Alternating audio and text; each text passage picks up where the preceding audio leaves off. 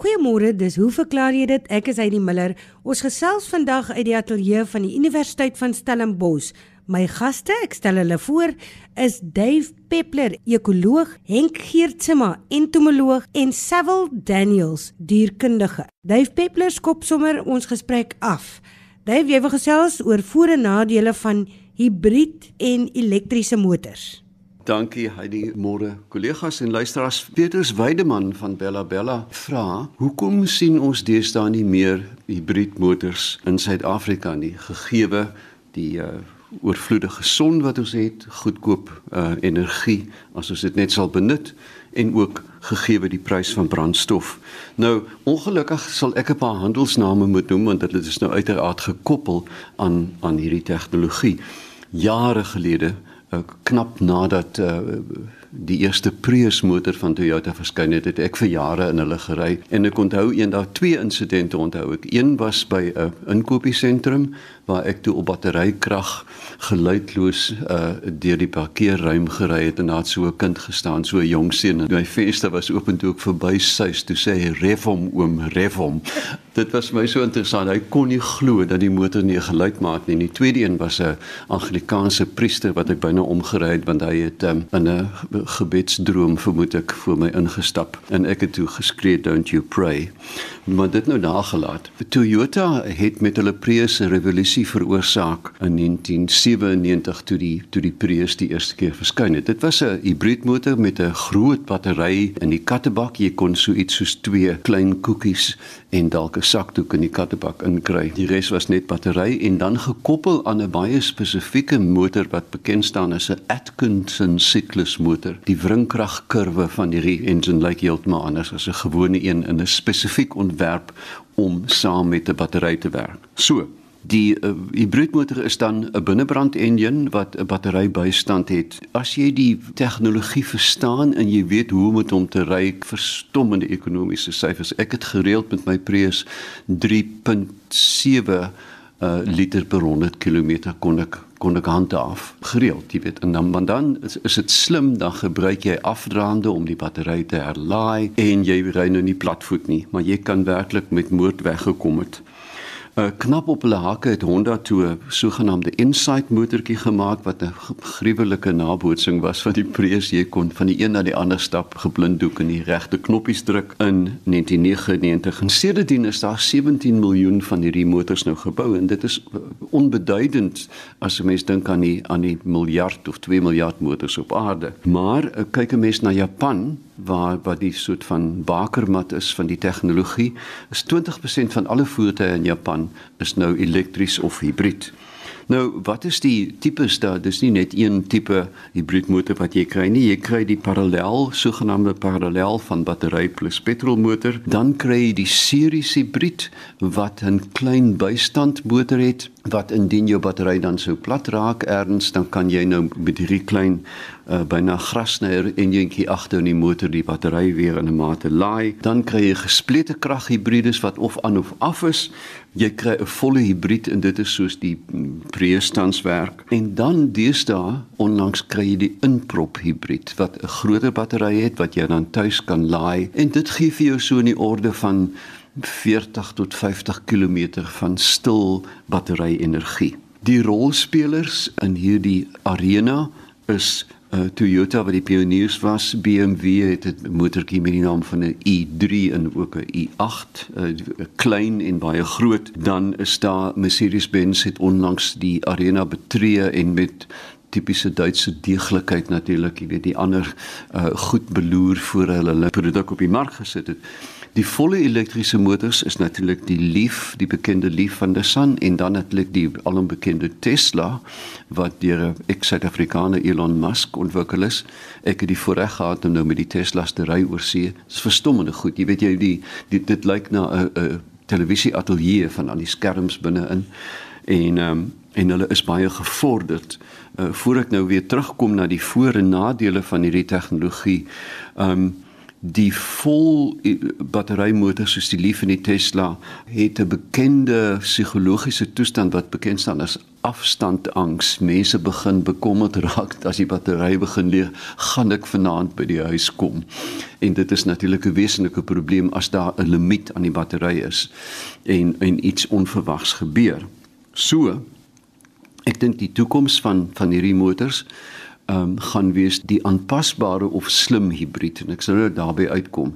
Hoekom stel ons enigstens belang daarin? Eerstens die um onlangse skandale oor diesel uitlaatgasse waarby hele klomp firmas betrokke was, bewys onteenseglik dat selfs met die beste katalitiese omskakeling dat daar nog nanopartikels van koolstof deur hulle kom en dat diesel se daar is getel. Ek is oortuig daarvan binne 5 jaar gaan geen fabrikaat meer diesel behalwe natuurlik in India en China vermoed ek sal voort gaan daarmee want die besoedeling is so is so volledig daar. Maar um, in die weste gaan ons nie meer met dieselmotors sien nie. In inteendeel daar's baie stede waar hulle verbân is om gesondheidsredes, jy weet veral vir jong kinders wat op baie jong ouderdom ernstige longprobleme ontwikkel. Hoekom sou 'n mens dan enigstens belangstel in hierdie hibridmotors as jy hou van van braaivleis en sonskyn en vinnige V8 motors wat ons voorland was altyd?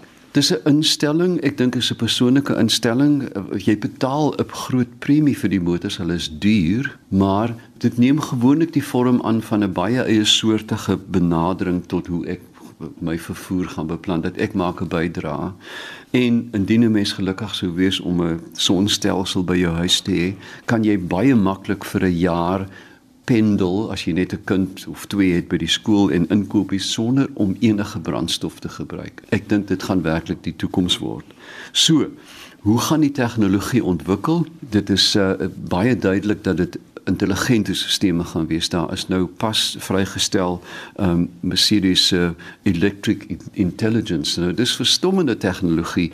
Byvoorbeeld waar jy die motor voor die tyd dan sê ek gaan nou Woester toe ry. Die motor besluit dan hoeveel afdraande daar is, hoeveel opdraande daar is en programmeer jou jou hele tog volgens die optimale brandstofverbruik. Dit is ek, dit bestaan reeds en ek dink binne die volgende 5 jaar beplan uh, of binne teen 2022 beland hulle uh, 10 van hierdie modelle binne hulle reeks en ek kan nie dink dat na 2030 daar binnebrand engines ooit gaan bestaan nie. Daar is hierdie week 'n supermotor of wat hulle nou noem 'n hipermotor vrygestel, die vinnigste motor op aarde, versnelling van 0 tot 102 sekondes wat vol elektries is. So, ek dink dat ons gaan ingrypende veranderings sien in die motorbedryf en dat die wending gaan elektries of hibrid wees. Dit is baie interessant. Wat my vraag is altyd die elektriese motors. Waar kom die elektrisiteit vandaan? Dit word nog steeds in Suid-Afrika opgewek met steenkoolsentrales. So in hierdie land is dit beslis nie 'n saak van vermindering van koolstofgasuitstoot. Ja.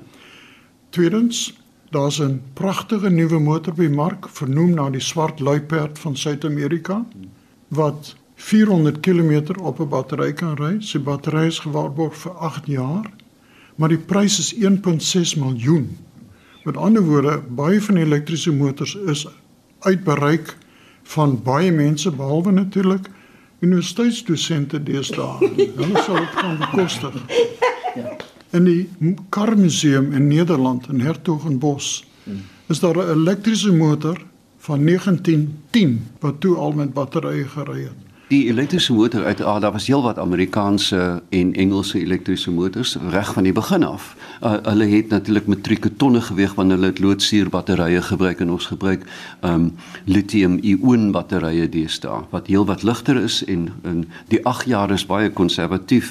Die uh, meeste uh, motors waarborg nou vir 10 tot 12 jaar die batterye. Tweedens jou punt oor in Suid-Afrika, ek dink dis nie heeltemal reg nie. Uh daar is besig om alternatiewe energiebronne baie vinnig aanlyn te kom as jy byvoorbeeld in Appington by die nuwe aanleg jou motor sal laai. Dit hang af waar jy jou motor laai. 'n Windaanlegte gaan ingrypende veranderings maak en dit gaan parallel met die ontwikkeling van die motor. So oor 5 tot 6 jaar gaan jy 'n verdiskonteer 15 tot 20%, 25% selfs van die energie wat jy gebruik. So uh, ons krag is nie alleen uitsluitlik deur steenkool afgelei nie. Ons gesels vanuit die Universiteit van Stellenbosch Atelier. My gaste is Sewil Daniels, Henk Geertsma en Dave Peppler. Sewil Daniels is volgende aan die beurt en hy beantwoord 'n vraag van my kollega Marie Hudson. Hierdie jou kollega wou weet, hoekom ruik honde mekaar se anale areas en watter inligting kan hulle verkry uit hierdie proses? Dit is natuurlik belangrik om te onthou dat die olfaktoriese reseptore of die ruiksintuie by honde baie goed is. So honde kan byvoorbeeld 40 tot 100 000 keer meer sensitief wees in terme van hulle ruik as dit wat jy by mense kan kry. 'n Mens moet ook onthou dat die area in die brein by honde wat geassosieer word met ruik omtrent 1/8ste van die brein ehm um, beslaan. Mense het byvoorbeeld 5 miljoen reukreseptore terwyl honde omtrent 220 miljoen reukreseptore het. 'n Beduidende verskil. Okay, so in die anale area by honde kry 'n mens hierdie kliere wat bekend staan as apokrine kliere. Um of anale kliere. As 'n mens nou dink aan die hond se anus as 'n horlosie, um sal hierdie kliere omtrent by 4 uur en by 8 uur teenwoordig wees. Nou hierdie kliere produseer gewoonlik 'n sekresie wat 'n sterk reuk afgee wat gewoonlik dan nou saam met die feses uitgeskei sou word. Die literatuur sê dat die sekresie van hierdie anale kliere uit 'n olieagtige um struktuur bestaan, so dit moet een of ander ester wees sou ek aanneem. Um alhoewel 'n mens nie werklik baie inligting daaroor kan kry nie. 'n Mens sien ook gereeld by die huis as jy nou honde het, die hond skuur sy agterend byvoorbeeld teen die mat of op die gras buite. Nou dit is gewoonlik wanneer die apokrine kliere ongelukkig is oor iets en ek gaan nou sê ongelukkig in aanhalingstekens. Maar wat dit gewoonlik beteken is die apokrine kliere is gewoonlik vol So dan moet jy die hond gewoonlik na die veearts toe neem om die apokliere kliere te dreineer.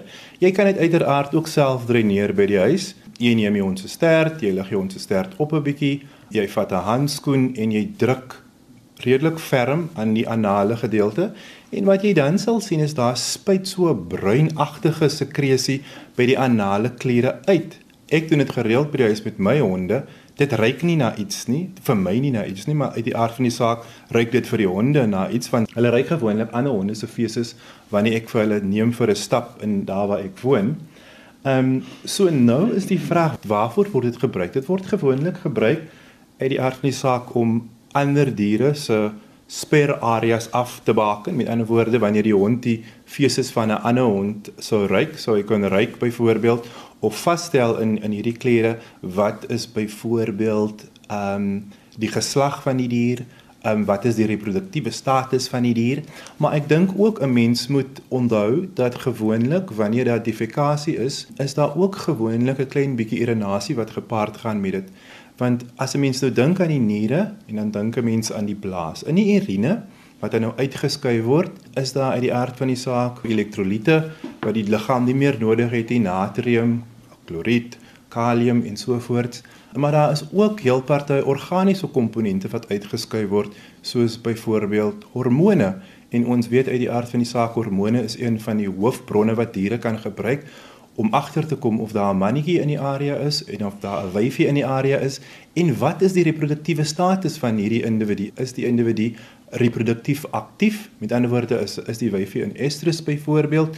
So ehm um, al hierdie chemiese boodskappe word dan nou basies bevat in hierdie uitskeidings. Dan ten laaste moet 'n mens ook onthou dat daar by honde gewoonlik 'n goed ontwikkelde orgaan van Jacobsen teenwoordig is in die nasale area wat die diere dan nou kan gebruik om die sentmolekules wat in die omgewing is te interpreteer en interessant genoeg, hulle sê in die literatuur dat hierdie orgaan met 'n ander area van die brein verkoppel is en hierdie area het te doen met 'n basiese interpretasie van emosies as ook seksuele um, reaksie.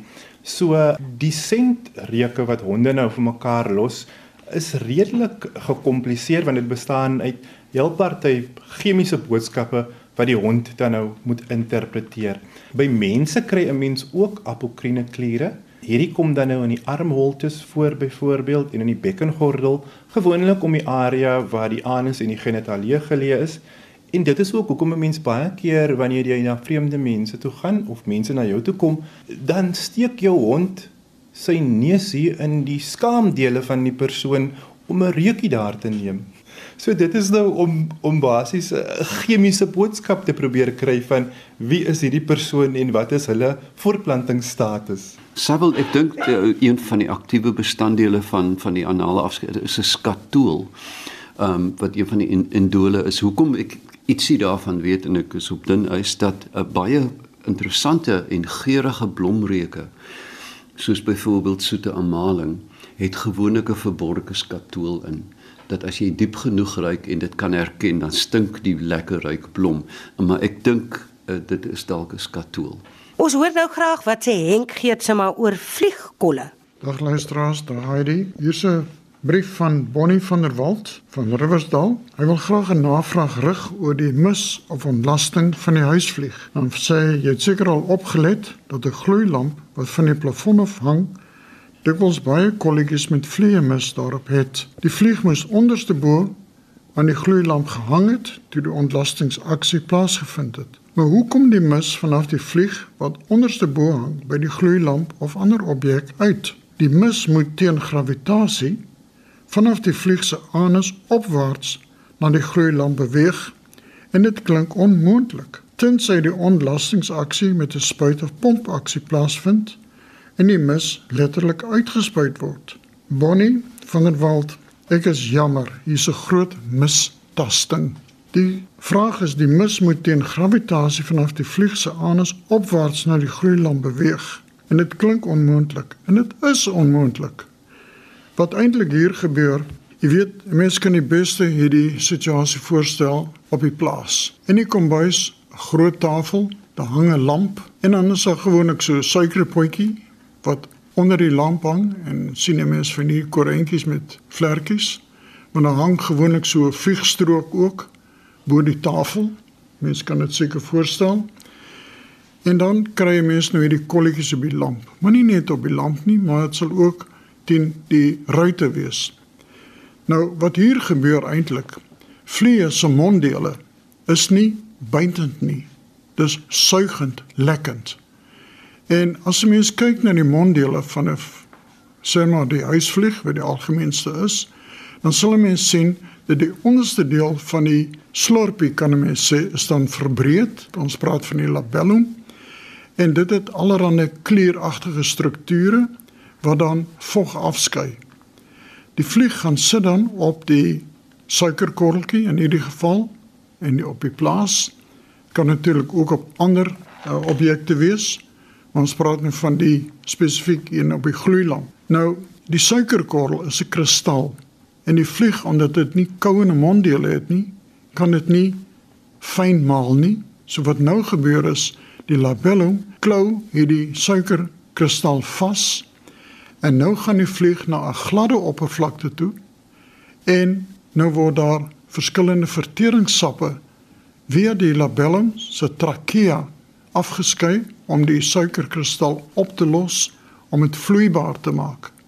Want die vlieg kan net vloeibare stowwe inneem.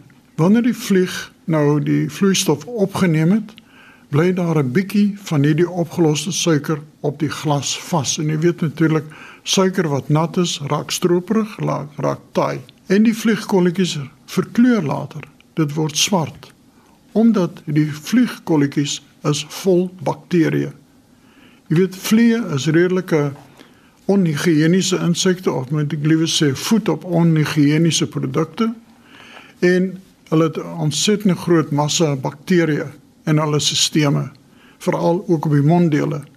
So hulle besmet as dit ware die opgeloste suikerkorreltjie teen die lamp en die bakterieë woeker dan voort op hierdie opgeloste suiker. En dit is eintlik die hele raaisel of geheim van vliegkolle. Dit is nie 'n afskeiding vanaf die anus nie, maar 'n klierafskeiding om suikerkristalle te vervloei sodat dit opgeneem kan word as voedsel. Baie dankie Bonnie, jou stelling was verkeerd. Dit was onmoontlik en ek hoop ek het jou nou die regte advies gegee. Baie dankie vir 'n interessante vraag. Duisende dankies aan ons kenners, dis Seville Daniels, Henk Geertsma en Dave Peppler. Jy kan jou vrae stuur, onthou my e-pos, nie meer Chrisse nie, is Heidi by rsg.co.za. Ek spel net weer my naam, dis H A I D E E of jy kan skryf. Hoe verklaar jy dit? Posbus 2551 Kaapstad 8000. Geniet die res van jou Sondag.